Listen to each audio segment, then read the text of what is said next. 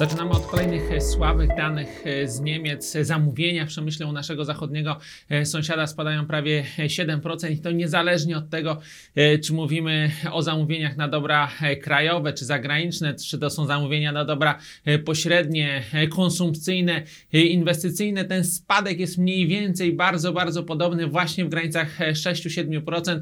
To oczywiście źle rokuje, jeżeli chodzi o jutrzejsze dane z amerykańskiego, z niemieckiego e, przemysłu. No i oczywiście źle rokuje, jeżeli chodzi o koniunkturę e, w Niemczech na najbliższe e, kwartały. Także to będzie miało przełożenie prawdopodobnie na e, kondycję całej strefy euro, jak i również e, Polski. Jeżeli zaś chodzi o inne e, wydarzenia, to e, bieżący tydzień będzie zdominowany e, przez doniesienia dotyczące negocjacji handlowych pomiędzy Stanami Zjednoczonymi a Chinami. Ta pierwsza część raczej nie będzie ofitować wiele komunikatów, dlatego że będzie ona przebiegała pomiędzy urzędnikami niższego szczebla, natomiast w drugiej części e, e, prawdopodobnie zobaczymy jakieś e, komunikaty, gdyż te rozmowy wejdą na e, wyższy szczebel. Zobaczymy, czy te komunikaty będą pozytywne, czy negatywne. Jest tak dużo zmiennych, tak dużo impulsów, które mogą zmienić bieg tych negocjacji, że bardzo, bardzo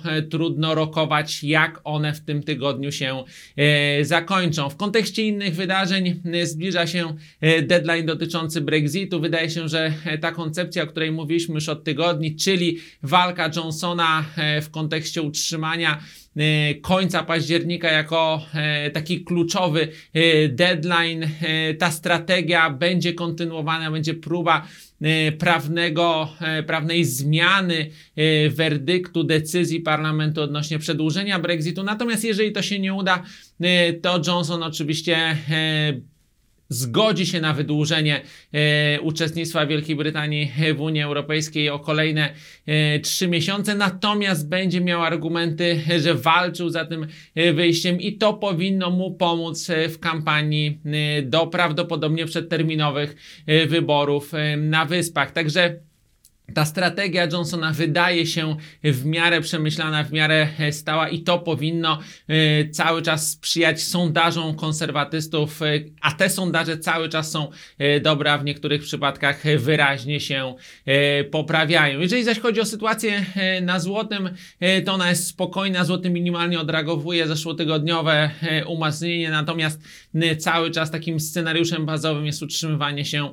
mniej więcej w środkowym przedziale wahań 4,30, 4,35 czyli 4,32, 4,33 w najbliższych e, godzinach.